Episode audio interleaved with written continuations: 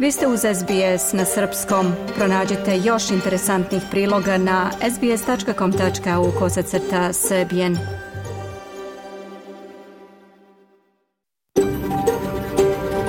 SBS, a world of difference. You're with SBS Serbian on mobile, online and on radio. Vi ste uz SBS na srpskom, na mobilnom, na internetu i na radiju.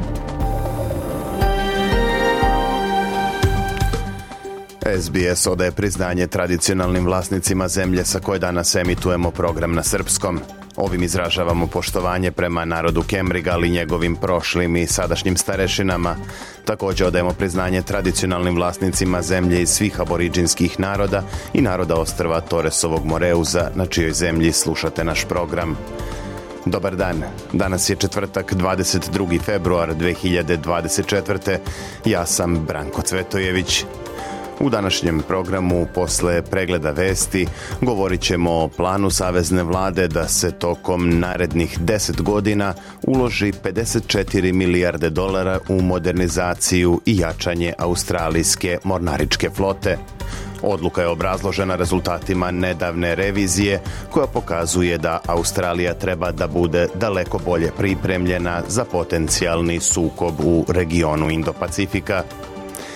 Povodom desetogodišnjice otvaranja pristupnih pregovora Srbije sa Evropskom unijom čućemo šta je sve uticalo na zastoju u ovom procesu i zbog čega je Srbija danas dalje od prijema u evropski blok nego što je bila pre dve godine. U segmentu emisije posvećenom nauci bit će više reči o značajnom otkriću supermasivne crne rupe koja sija jače od cele naše galaksije. Ovaj kvazar otkrio je tim istraživača predvođen naučnicima iz Australije – Takođe čućemo najavu najvećeg filmskog događaja u Srbiji, 52. Međunarodnog festivala Fest. Novogodišnjem festu Beogradskoj publici predstavit će se i australijski režiser Adam Cooper sa filmom u kojem glavnu ulogu igra Russell Crowe. Ostanite sa nama narednih sat vremena. Sledi pregled vesti.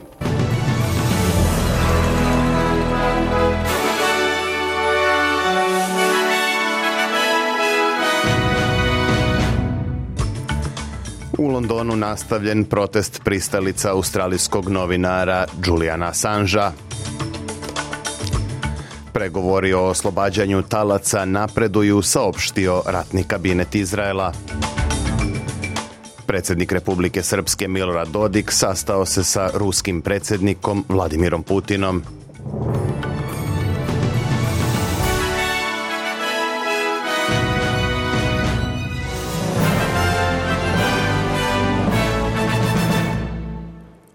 Londonu se već drugi dan održava protest pristalica osnivača Wikileaksa Juliana Assangea, okupljeni ispred Vrhovnog suda Velike Britanije gde je u toku završno saslušanje u žalbenom postupku protiv odluke o izručenju Assangea Sjedinjenim državama, pristalice australijskog novinara zahtevaju njegovo oslobađanje – Asanžovi advokati u žalbenom postupku traže od suda da mu odobri novu žalbu kako bi se sprečila ekstradicija američkim vlastima po optužnici za špijunažu i objavljivanje poverljivih državnih dokumenata – Sa druge strane, advokati američke vlade tvrde da bi Assange trebalo da se suoči sa optužbama u Sjedinjenim državama zato što je, kako su naveli, ugrozio nevine živote i udaljio se od novinarstva u svom pokušaju da ukrade i neselektivno objavi poverljive dokumente američke vlade. Na protestu ispred Vrhovnog suda govorio je i nezavisni australijski poslanik Andrew Wilkie. The Australian Prime Minister has finally stood up and given a Vilki je istakao da je nedavno i australijski premijer konačno ustao i dao jasan i snažan signal Amerikancima da je bilo dosta. Bez obzira na to šta mislite o Assange, ovo se mora privesti kraju, mora se odustati od izručenja i optužbe treba da budu odbačene, rekao je Vilki.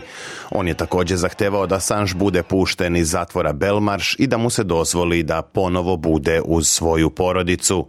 52-godišnji australijski novinar je optužen po 17 tačaka optužnice za špijunažu i jednu optužbu za zloupotrebu računara zbog objavljivanja velike količine poverljivih američkih dokumenata na njegovoj web stranici Wikileaks pre skoro 15 godina. Za to vreme premijer Australije Anthony Albanese odgovorio je na tvrdnje opozicije da vlada nije adekvatno proverila 2000 palestinaca iz Gaze kojima su odobrene humanitarne vize za Australiju. Albaneze tvrdi da su sprovedene bezbednosne provere identične onima koje je koristila bivša vlada i optužuje koaliciju da izaziva strah navodeći suprotno. Prethodno su zvaničnici Ministarstva unutrašnjih poslova Australije objavili da su palestincima odobrili više od 2000 viza od početka izraelskog rata u Gazi. Lider opozicije Peter Dutton optužio je vladu da ubrzava bezbednostne procese i time svoje građane izlaže riziku. Premijer pak tvrdi da su australijske bezbednostne službe detaljno i revnosno proveravale sve aplikacije. The checks are exactly the same. Provere su potpuno iste kao one koje su bile na snazi pod bivšom vladom, s tom razlikom što je za napuštanje Gaze potrebno i odobrenje, uključujući Izraelce koji su uključeni u to. Daton je neko ko svakog dana vodi više struke kampanje strašivanja, ali ne možete voditi državu ili biti opozicija samo na osnovu toga. To je sejanje straha i to je sve što Daton ima, rekao je Albaneze. Član izraelskog ratnog kabineta Benny Gantz izjavio je da pregovori o novom sporazumu za oslobađanje izraelskih talaca iz Gaze napreduju. Istovremeno vode se i regionalni pregovori kako bi se obezbedio prekid vatre. U toku su pokušaji da se promoviše novi sporazum o taocima i postoje obećavajući znaci mogućeg napretka, ali nećemo prestati da tražimo način i nećemo propustiti ni jednu priliku da vratimo našu decu kući, rekao je Gantz. Međutim, izraelski ministar kaže da ako se ne postigne novi dogovor, vojska te zemlje će nastaviti rat u Gazi i do početka svetog muslimanskog meseca Ramazana 10. marta Za to vreme iz Ujedinjenih nacija poručuju da se humanitarna situacija u Gazi pogoršava te da su dostava vode i humanitarne pomoći ugroženi zbog borbi koje su u toku. Port parol generalnog sekretara Ujedinjenih nacija Stefan Dižarik rekao je da je granatirano sklonište za humanitarnu pomoć u kojem se nalaze civili, pri čemu je povređeno osoblje i ubijeni članovi njihovih porodica. Dižarik kaže da je zameni generalnog sekretara mandatara za humanitarna pitanja Martin Griffiths rekao da je zaprepašćen što je sinoć u Gazi granatirano sklonište srednje veličine, pri čemu je povređeno osoblje i ubijeni članovi njihovih porodica. U objavi na društvenim mrežama Griffiths je rekao da humanitarci stavljaju svoje živote na kocku i kao i svi civili moraju biti zaštićeni. Prelazimo na domaće vesti. Još sedam lokacija u Novom Južnom Velsu označene su kao kontaminirane azbestom, uključujući tu i jednu dečiju bolnicu i vatrogasnu stanicu. Azbest je i na ovim lokacijama otkriven u malču, organskoj mešavini koja se posipa po zemljištu. Ukupan broj lokacija na kojima je pronađen azbest sada iznosi 54, dok su ispitivanja na 800 lokacija dala negativne rezultate. Istraga o malču kontaminiranom azbestom se nastavlja, potvrđuje potvrdila je Agencija za zaštitu životne sredine Novog Južnog Velsa. A vodeće psihijatrijsko telo Australije izrazilo je podršku uvođenju obavezne brige i dužnosti članova vlade da vode računa o klimatskim promenama. Predlog zakona koji je prošle godine predstavio nezavisni senator David Pokok primorao bi političare da razmotre dugoročne uticaje svojih odluka na klimu i na buduće generacije – Na završnoj javnoj raspravi pre nego što komitet sledeće nedelje bude podneo izveštaj, Kraljevski koleđ psihijatara Australije i Novog Zelanda pozvao je da se mentalno zdravlje na adekvatan način zaštiti zakonom. Kako je navela direktorka pripravničkog odbora Kraljevskog koleđa psihijatara dr. Ava Carter, klimatske promene utiču naročito na mentalno zdravlje mladih ljudi. There is a large amount of research about Ona kaže da postoji veliki broj istraživanja o anksioznosti izazvanoj klimatskim promenama i njenom trenutnom uticaju. Postoje i stvari koje sada možemo da uradimo kako bismo pomogli mladima, rekla je dr. Carter i dodala da 10% više mladih ljudi dolazi u hitnu pomoć kada su velike vrućine. Takođe, uticaj na psihijatrijske i ostale zdravstvene službe je ogroman, rekla je ona a australijska aviokompanija Qantas objavila je pad osnovnog profita od skoro 13% u prethodnih pola godine. Kako je rečeno, do toga je došlo usled pada cena avionskih karata.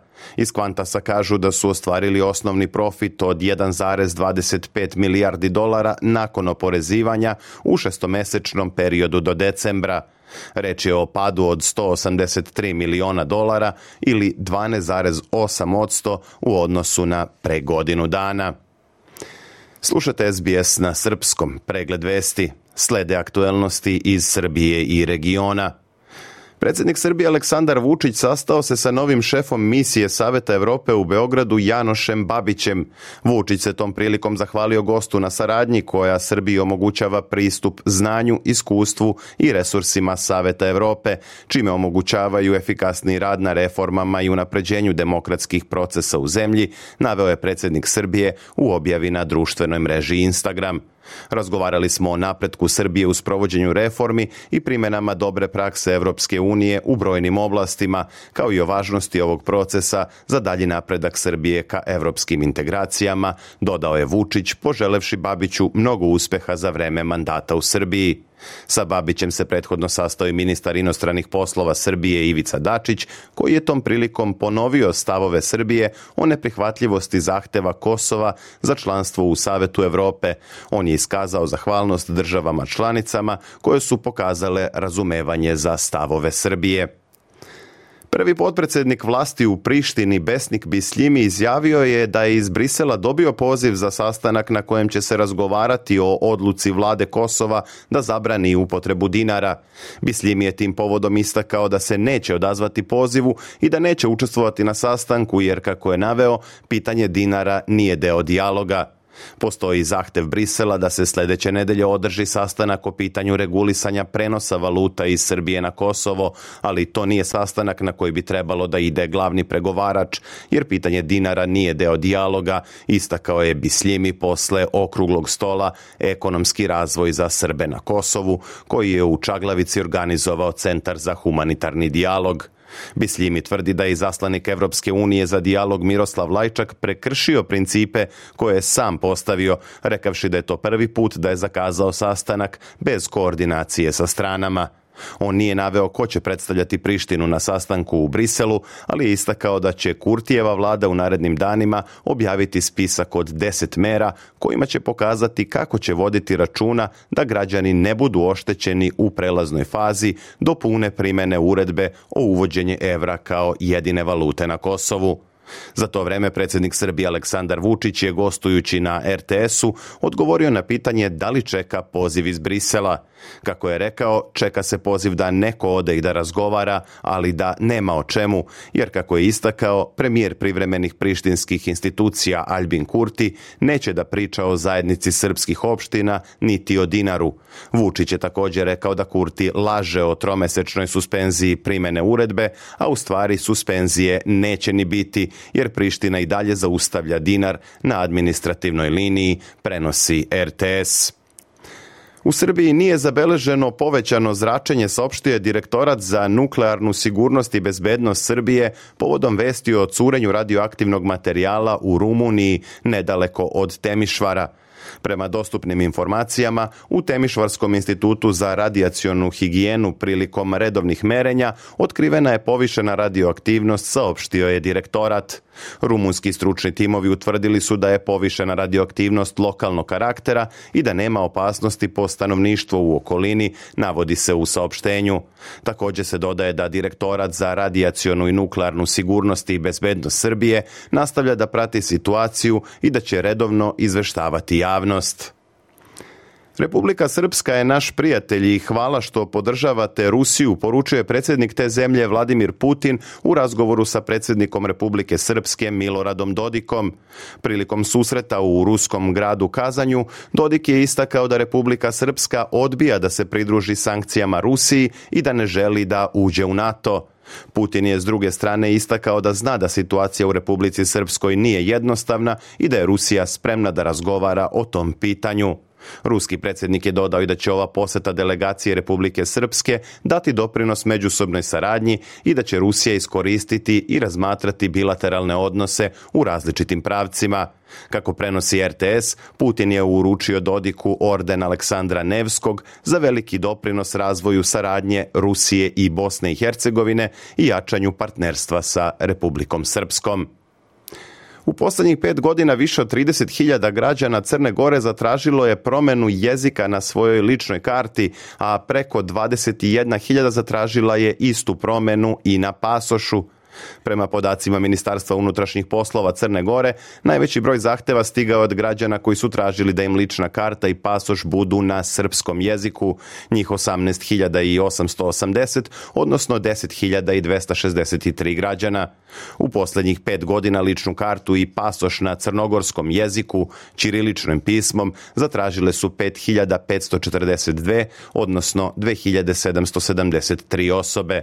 Ličnu kartu i pasoš na albanskom zahtevalo je 5305, odnosno 6345, a takođe zabeleženo je 409 zahteva za lične karte i 218 za pasoše na hrvatskom jeziku. Lične isprave na bosanskom tražilo je 1402, odnosno 1900 osoba, obavestio je MUP Crne Gore. I za kraj vest koja stiže iz svemira – Letelica kompanije Intuitive Machines iz američkog grada Houstona koja treba da se spusti na mesec uspešno je ušla u lunarnu orbitu. Biće to prvo američko sletanje na mesec u više od 50 godina i prvo ikada koje će izvesti privatni svemirski brod. Šestonožni robot za sletanje nazvan Odisej dostigao je kružnu orbitu od 92 km iznad površine meseca, objavila je američka kompanija u saopštenju. Planirano je da se letelica spusti na mesecu u petak u 9.30 ujutro po standardnom vremenu australijske istočne obale. Odise je opremljen nizom naučnih instrumenata i tehnoloških demonstracija za potrebe NASA kao i za druge komercijalne klijente. Vozilo je dizajnirano da funkcioniše 7 dana pre nego što počne da pada mrak na mestu sletanja nedaleko od mesečevog pola. Na međunarodnom tržištu valuta jedan australijski dolar danas vredi 66 američkih centi, 61 eurocent, 52 britanska penija i 70 srpskih dinara i 90 para.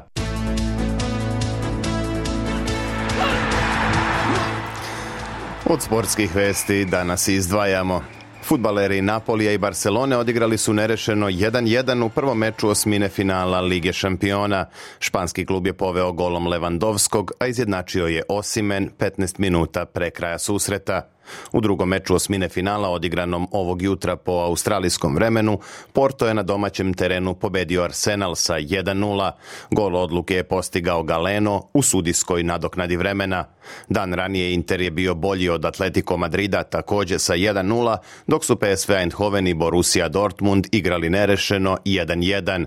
Revanš mečevi igraju se 13. i 14. marta a srpski teniser Novak Đoković osigurao je prvo mesto na ATP rang listi najmanje do 1. aprila. Đokovićeva prednost biće u narednih šest nedelja nedostižna za Carlos Alcarasa, pošto je mladi španac zbog povrede zgloba morao da preda meč Tiagu Monteiru u prvom kolu turnira u Rio de Janeiru. Alcaraz će zbog toga izgubiti bodove koje je osvojio pre godinu dana kada je osvojio turnir u Brazilu, pa će od idućeg ponedeljka imati još veći zaostatak za srpskim masom. Đoković će tako doći do najmanje 418 nedelja na vodećoj poziciji ATP liste, a imaće priliku i da dodatno uveća prednost, pošto na predstojećim mastersima u Indian Wellsu i Majamiju ne brani bodove, jer prošle godine nije ni učestvovao na ovim turnirima. Od ponedeljka Novakova prednost u odnosu na Alcarasa iznosit će 1050 bodova. Evo i vremenske prognoze za petak, 23. februar. U Sidneju sunčano i toplo do 35 stepeni uz mogućnost nevremena s grmljavinom u popodnevnim i večernjim satima. U Melbourneu povremena kiša i 21, a u Kamberi pljuskovi s grmljavinom u popodnevnim i večernjim satima, maksimalno 31 stepen. U Adelaidu oblačno i 23, u Brisbaneu sunčano 34, a za Perce najavljuje takođe sunčano i veoma toplo do 39 stepeni. U petak u Darvinu mogući pljuskovi s grmljavinom i najviše 33, a u Hobartu uglavnom sunčano i 24. U Srbiji danas oblačan dan, temperatura od 3 do 16 stepeni. Bilo je to sve u pregledu vesti na srpskom jeziku za 22. februar 2024. Za više informacija posetite sbs.com.au kosacrta news.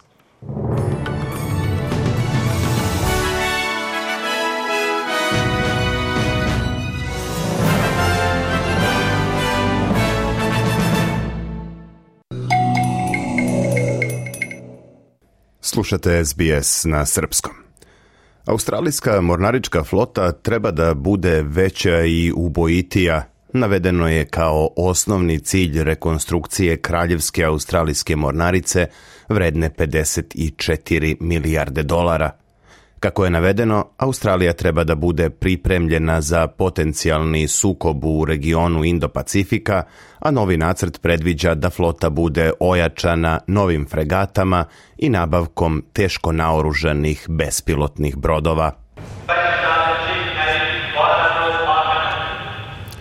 Savezni ministar odbrane Richard Miles u pratnji najviših oficira Australijske mornarice – obratio se prošlog utorka sa palube broda HMAS Sydney.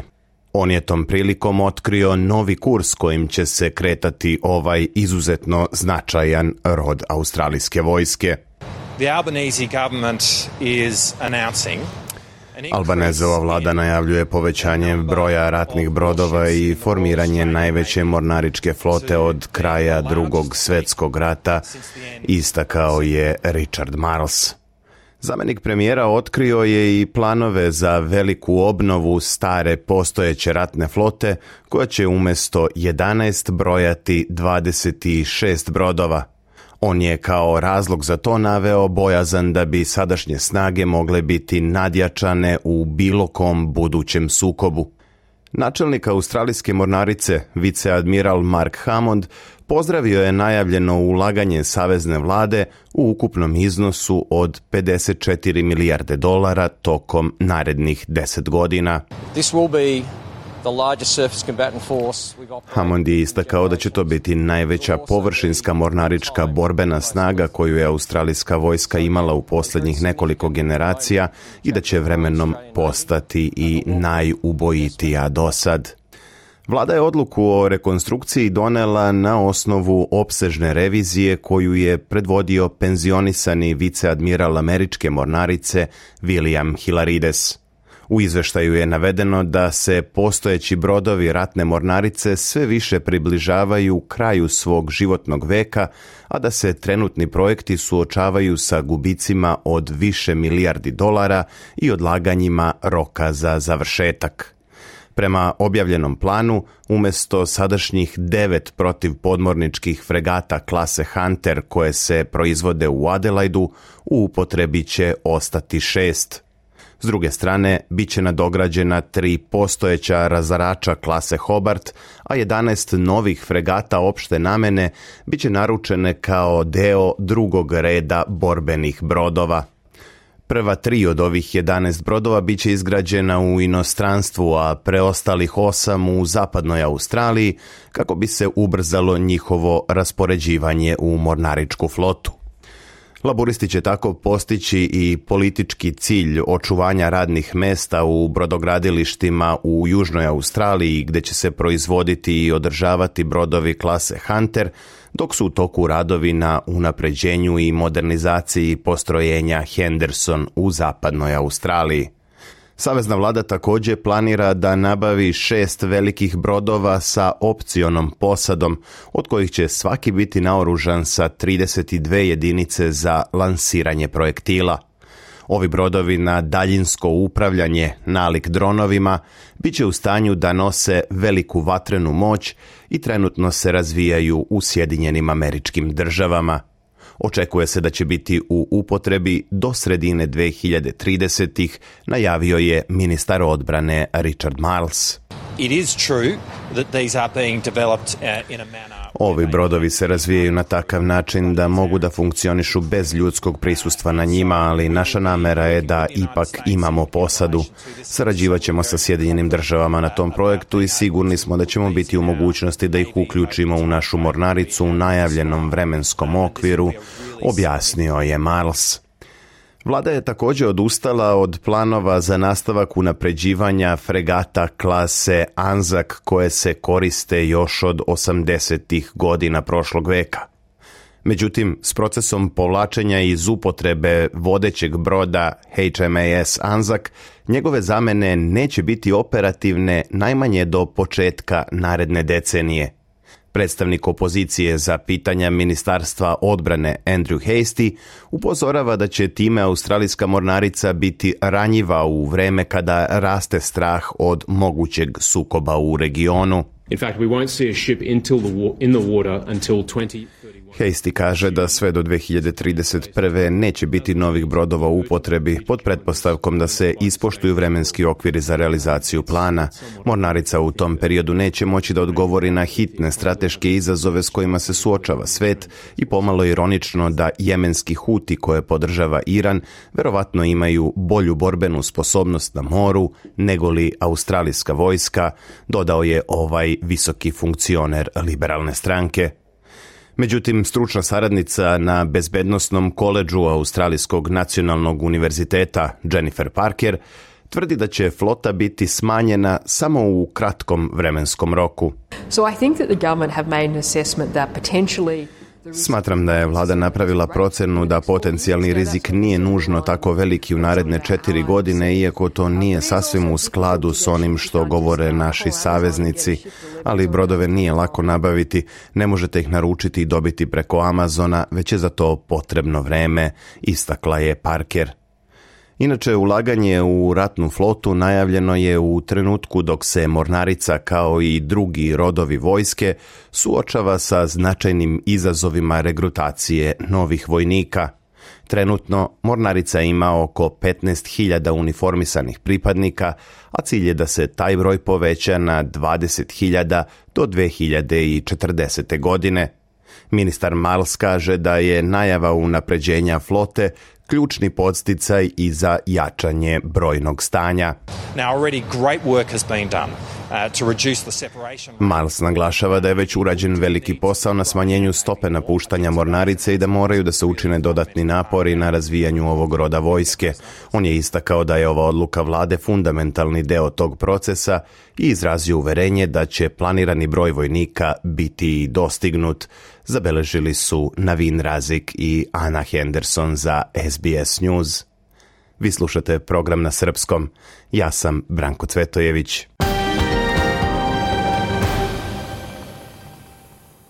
Pregovori o punopravnom članstvu Srbije u Evropskoj uniji počeli su pre punih 10 godina.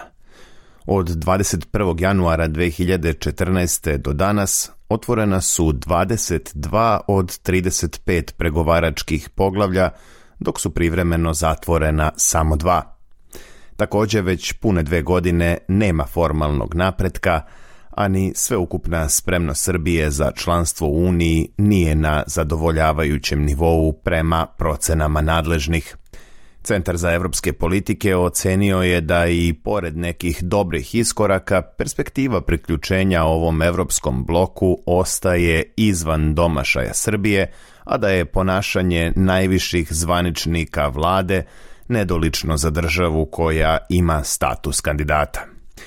Da li je Srbija danas dalje od članstva u Evropskoj uniji nego pre 10 godina i kako se tumači ovaj prazan hod kada se zna da je evropski put postavljen i kao prioritetni cilj aktuelne vlasti?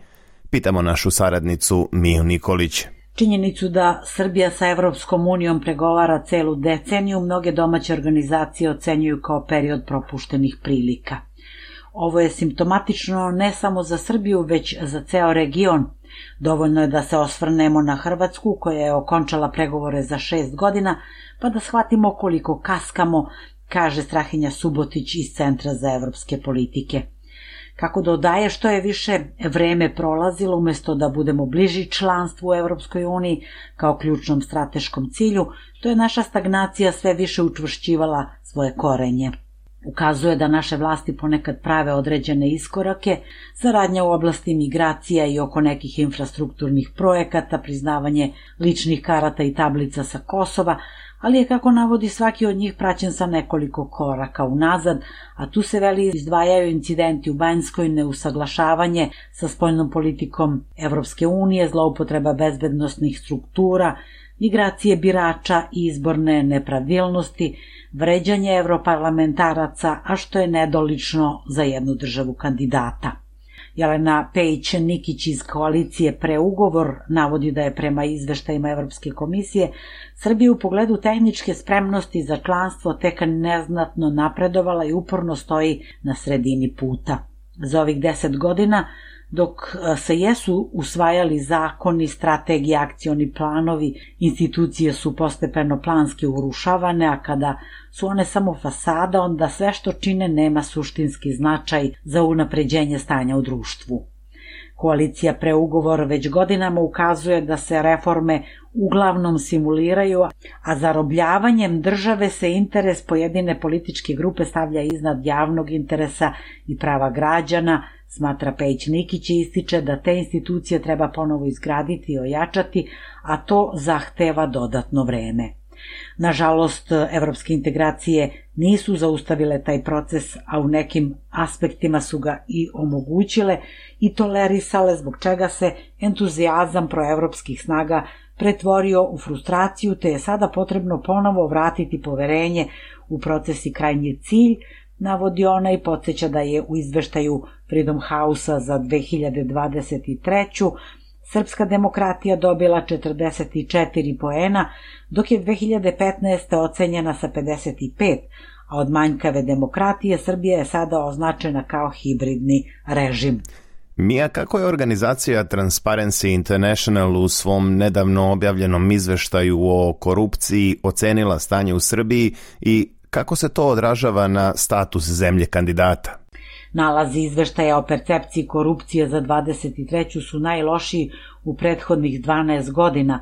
Od 180 posmatranih zemalja Srbija je na 104. mestu sa 36 bodova od ukupno 100, a u regionu Zapadnog Balkana jedina gora je Bosna i Hercegovina, dok je Kosovo ispred Srbije i zauzima 83. poziciju. Poslednji izveštaj o usvajanju pravnih tekovina Evropske unije pokazuje da je vlada Srbije za godinu dana usvojila svega 27 procenata planiranih propisa u okviru evropskih integracija, to je samo 60 od planiranih 223 akata i propisa. Ova istraživačica Beogradskog centra za bezbednostnu politiku smatra da evrointegracije nikada zaista nisu bile prioritet vlastima, već je vladi Srbije stalo da ostane u procesu jer on nosi legitimitet i finansijsku pomoć, te se bar trudi da pokaže neke aktivnosti i rezultate u manje osetljivim oblastima gde to politička volja dozvoljava. No nije pokazala volju da reši ključne probleme vladavine prava na koje se ukazuje godinama. Dodaje da su vlasti u Beogradu sigurno svesne da ovakva Srbija ne može postati članica Evropske unije, ali pažnju javnosti uglavnom skreće na probleme unutar Unije koji koče proces proširenja. Strahinja Subotić dodaje da smo postali jedna vrsta zaglavljene države, gde se formalno propagira jedno, a u praksi radi nešto potpuno drugo. Postali smo država koja ne želi, a možda i ne može da promeni taj status quo, Status quo je postao način funkcionisanja i pogleda na svet naših vlasti, beleži on, uz ocenu da je od zamora proširenja došlo do zamora od Srbije. A šta povodom desetogodišnjice pregovora kažu nadležni iz vlade Srbije kao i eksperti za evropske integracije? U autorskom tekstu povodom desetogodišnjice pregovora ministarka za evropske integracije Tanja Miščević, nabrajajući šta je sve naša zemlja postigla na EU putu, navodi da je Srbiju najviše opterećivalo ono na šta ne možemo da utičemo. Migraciona kriza, Brexit, teroristički napadi, pandemija, rat u Ukrajini, a što je sve promenilo uslove pregovora o proširenju Evropske unije. Strahinja Subotić saglasan je da Te krize jesu tokom prethodne decenije preokupirale Uniju, ali ističe da to ne opravdava zašto nismo sproveli neophodne reforme. Ako imate kontrolu nad svim polugama moći, trebalo bi da možete da sprovedete svaku reformu koju pre svega traže građani, a onda i Evropska unija, kaže on uz ocenu da vlast istinski ne želi e, zakone, uređenu državu, pravila koja važe za sve, pa i njene pripadnike, ali ni raskid ekonomski unosne veze politike i kriminala. On podsjeća da kompleksnost pitanja Kosova koju u okviru jednog poglavlja Srbija mora da zatvori pre nego što postane članica Evropske unije ukazuje i na složenost pravnog sistema Unije koja zahteva promene u zakonodavstvu i praksi Srbije na manjak i para i ljudstva koji taj proces mogu da iznesu. Ističe da Srbija međutim nije toliko siromašna koliko se razbacuje novcem građana i koliko odlazi na korupciju i ocenjuje da su nepotizam i negativna selekcija doveli do toliko niskog znanja i veština kadra da se i najobičnije stvari rešavaju godinama. Kaže da onih faktora koji su dovodili do zamora od proširenja više nema, a da sada kada je proširenje visoko na agendi Evropske unije, Brisel ima zamor od Srbije. Mija, na kraju šta bi bio zaključak? Šta to koči ceo proces i da li je realno očekivati da se evrointegracije ipak ubrzaju? Filip Ejdus, profesor na Fakultetu političkih nauka u Beogradu povodom desete godišnjice od početka pregovora o priključenju podsjeća da smo u proces evropskih integracija ušli dobrovoljno. Pristali ste da dobijate milijarde evra bespovratne pomoći, ali imate i određene obaveze, a to je da svoje društvo uredite u skladu sa evropskim principima koje ste stavili i u svoj ustav, ukazuje profesor Eidus. Strahinja Subotić naglašava da Evropska unija posle jako dugo vremena radi na svojoj internoj reformi i ubrzanju procesa priključenja, ali se čini da samo Srbija nastavlja po starom, šta više radi gore, stvari koje ne priliče državi kandidatu. Srbija ne sme da dozvoli da postane predmet zamora Evropske unije i država članica jer će rizikovati da ostane izolovana, da će drugi u regionu imati iskorake, a da ćemo mi biti poslednja rupa na svirali. To se ne sme dozvoliti čak ni sa simboličkog aspekta, jer Srbija koja vidi sebe kao centralnu državu regiona mora da se bori za svoju reputaciju, zaključuje ovaj istraživač Centra za evropske politike sličan stav. Prošle nedelje je posle sastanka sa premijerom Grčke Kirijakosom Mitsotakisom izneo i predsednik Aleksandar Vučić. Rekao sam Mitsotakisu nedvosmisleno da je Srbija čvrsto opredeljena za nastavak i ubrzanje svog evropskog puta i da to nije samo formalna rečenica koju političari izgovaraju kao poštapalicu, već je to od suštinskog značaja za našu zemlju, kazao je predsednik Srbije Aleksandar Vučić. Mija, hvala na javljanju. Čuli ste izveštaj naše saradnice Mije Nikolić o statusu evropskih integracija Srbije 10 godina nakon otvaranja pregovora o priključenju Evropskoj uniji. Vi slušate SBS na srpskom. Ja sam Branko Cvetojević. Slušajte SBS na srpskom, na mobilnom, na internetu i na radiju.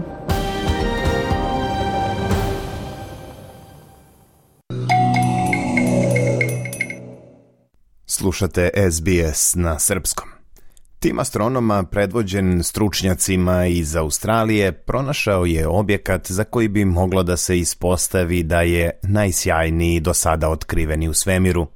Studija objavljena u naučnom časopisu Nature Astronomy pokazuje da je u dubini univerzuma otkriven takozvani kvazar koji sija neuporedivo jače od sunca.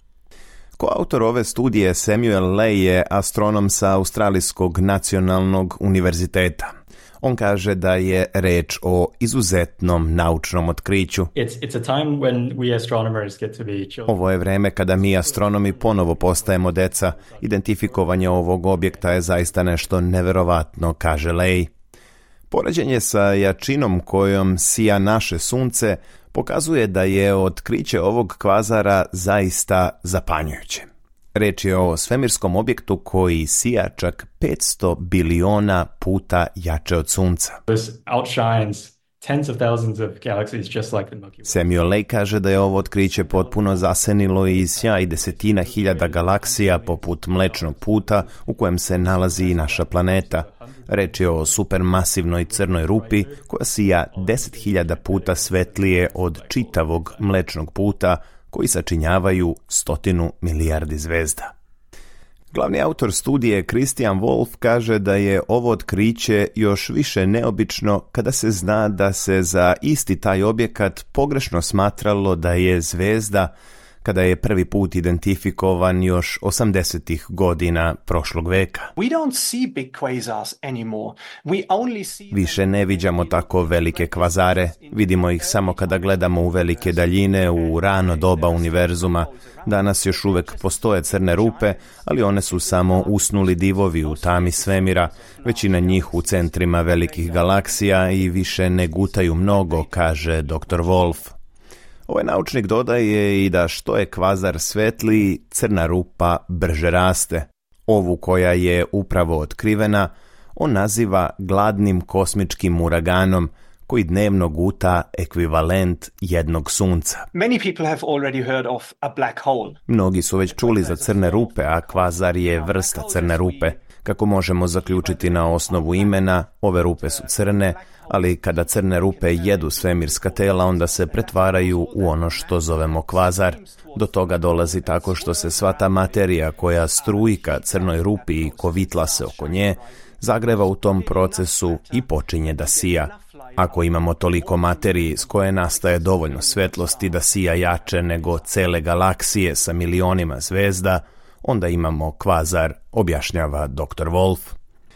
A dr. Marija Ljubenova, astronom iz Južne Evropske observatorije u Nemačkoj, kaže da crne rupe mogu mnogo da otkriju o poreklu univerzuma. It allows us to see um, the very early One nam omogućavaju da vidimo rane faze formiranja galaksija. Danas znamo da većina galaksija u svojim centrima ima veoma masivne crne rupe, ali ne znamo kako su tačno nastale i kako su povećavale svoju materiju da postane tako velika, kaže ova naučnica. Kada je reč o novom otkriću, Samuel Lay kaže da je ovaj kvazar udaljen čak 12 milijardi svetlosnih godina od Zemlje, i da datira iz ranih dana univerzuma. On dodaje i da će biti potrebno više istraživanja da bi se razumelo kako ove crne rupe zapravo funkcionišu. In simple language it means that Without these black holes. Rečeno jednostavnim jezikom, to znači da bez ovih crnih rupa naša galaksija kakvu poznajemo ne bi bila ono što je danas. U stvari sve galaksije bi bile veoma drugačije bez njihovih supermasivnih crnih rupa, a moguće je čak i da se sve galaksije formiraju upravo oko tih rupa, kaže Lej. Ovaj kvazar je prvi put uočen pomoću teleskopa prečnika 2,3 metra koji se nalazi u observatoriji ENU Siding Spring u blizini Kuna Barabrana u Novom Južnom Velsu. Kako bi potvrdio punu prirodu crne rupe i izmerio njenu masu, istraživački tim je zatim prešao na osmatranje jednim od najvećih teleskopa na svetu, smeštenim u Južnoj Evropskoj observatoriji – koja se nalazi u pustinji Atakama u Čileu. Dr. Wolf želi da se to partnerstvo i nastavi, ali takođe smatra da istraživanja sa sedištem u Australiji imaju svetlu budućnost s naučnicima koji imaju isključivi zadatak da proučavaju nebo iznad nas. Uh, um, Wolf kaže da kada govorimo o posmatranju događaja koji se brzo menjaju, kao što su neki koji možda traju samo sat vremena, Australija ima značajnu ulogu jer neki od tih pojava mogu da se dese baš u vreme dok je ovde noć, a recimo u Čileu i na Havajima gde postoje moćni teleskopi, u to vreme je dan.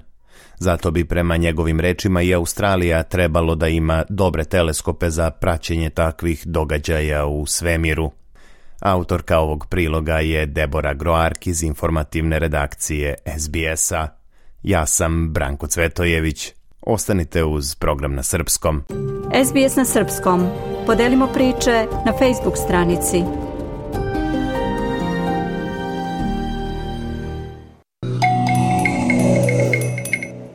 Slušate SBS program na srpskom. Međunarodni filmski festival Fest bit će otvoren u Beogradu sutra, u petak 23. februara i trajaće sve do 3. marta. Među filmskim ostvarenjima koje će biti prikazana, beogradska publika će imati priliku da vidi i rediteljski debi australijskog autora Adama Coopera, film pod nazivom Uspavani psi – u kojem glavnu ulogu igra čuveni glumac Russell Crowe. O 52. festu iz Beograda izveštava naš dopisnik Hranislav Nikolić.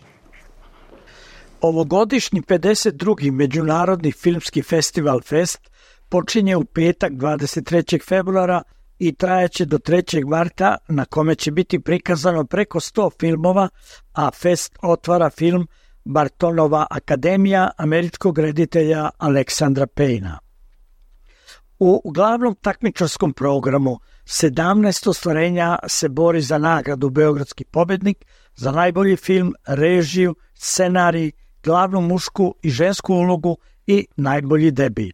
U takmičarskom programu su i filmovi iz Srbije Radnička klasa ide u pakao Mladena Đorđevića i Jorgovani Siniše Cvetića I za danas toliko Marka Đorđevića. Pored filmova iz Srbije za Beogradskog pobednika nadmeću se i ostvarenja iz Velike Britanije, Francuske, Mauritanije, Argentine, Mađarske, Sjedinjenih država, Kine i Hrvatske. U gala programu Beogradska publika imaće priliku da pogleda australijsko-američki film Uspavani psi Adama Kupera.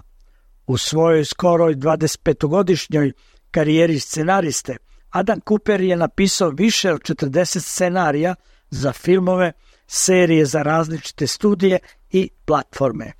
Cooper je danas i producent i reditelj. Film Uspavani psi je njegov rediteljski debi. U najkraćem sadržaj ovog krimi filma izgleda ovako. Richard Flint. Bivši detektiv za ubistva Roy Freeman prolazi kroz najsavremeniju terapiju za Alzheimerovu bolest kad mu traže da preispita brutalan slučaj iz prošlosti jezivo ubistvo poznatog profesora Kolida. Satvorenik osuđen na smrt kojeg je Ray uhapsio 10 godina ranije, izjasnio se kao nevin. Zaintrigiran boreći se da proveri svoje pamćenje, Roy angažuje bivšeg partnera da mu pomogne da ponovo pokrene istragu. U glavnoj ulozi Russell Crowe. People kill for a whole lot of different reasons.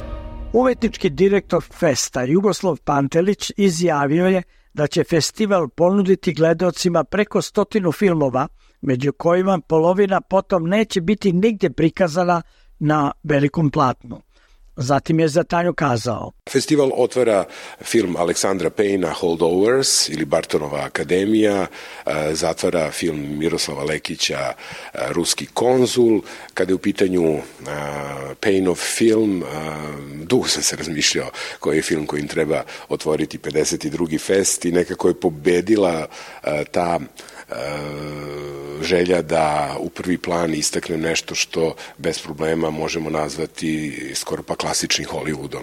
E, Aleksandar Payne je snimio film koji bi bez problema e, neko ko je manje upućen mogao da stavi u red onih koje je snimao Billy Wilder, na primer. Dakle, to su oni filmovi koje kada gledate nemate osjećaj da ih je i korežirao. Sve samo teče. Sasvim izvesno bih voleo da skrenem pa pažnju na naš program Fokus koji je ove godine e, usmeren na one filmove koji tretiraju nasilje nad decom. Ono može, nažalost, biti vršnjačko, može biti seksualno, može biti nasilje koje podrazumeva e, nasilnu asimilaciju. E, dakle, program Fokus, e, Fokus e, je ove godine e, nešto na što bi zaista skrenuo pažnju e, i roditelja i budućih roditelja s obzirom da nam nudi priče koje opominju i nudi priče koje prosto mogu da deluju e, preventivno e, često su deca ta koja nisu u mogućnosti da nam tačno prenesu šta im se u određenom trenutku života dešava. Fest zatvara film reditelja Miroslava Lekića ruski konzul nastao na osnovu istoimenog romana Vuka Draškovića, u kome je posljednju ulogu ostvario nedavno preminuli glumac Žarko Laušević. Iz Beograda za SBS Hranislav Nikolić.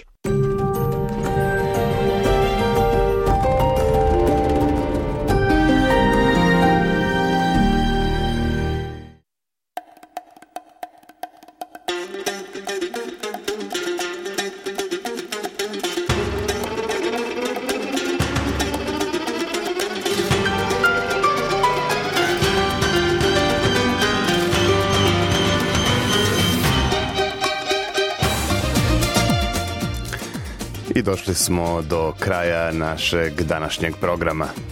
Narednu emisiju na srpskom jeziku slušajte u subotu 24. februara od 15 časova. Naš program takođe možete slušati i uživo i na zahtev putem internet stranice sbs.com.au kosacrta srbijen ili na mobilnoj aplikaciji SBS Audio koju možete preuzeti besplatno.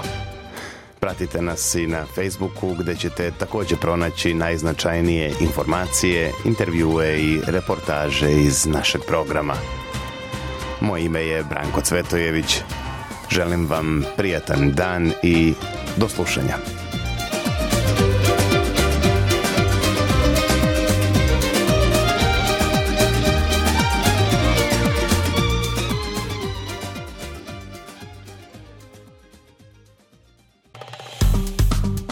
dajte like, podelite, komentarišite. Pratite SBS Serbian Facebook profil.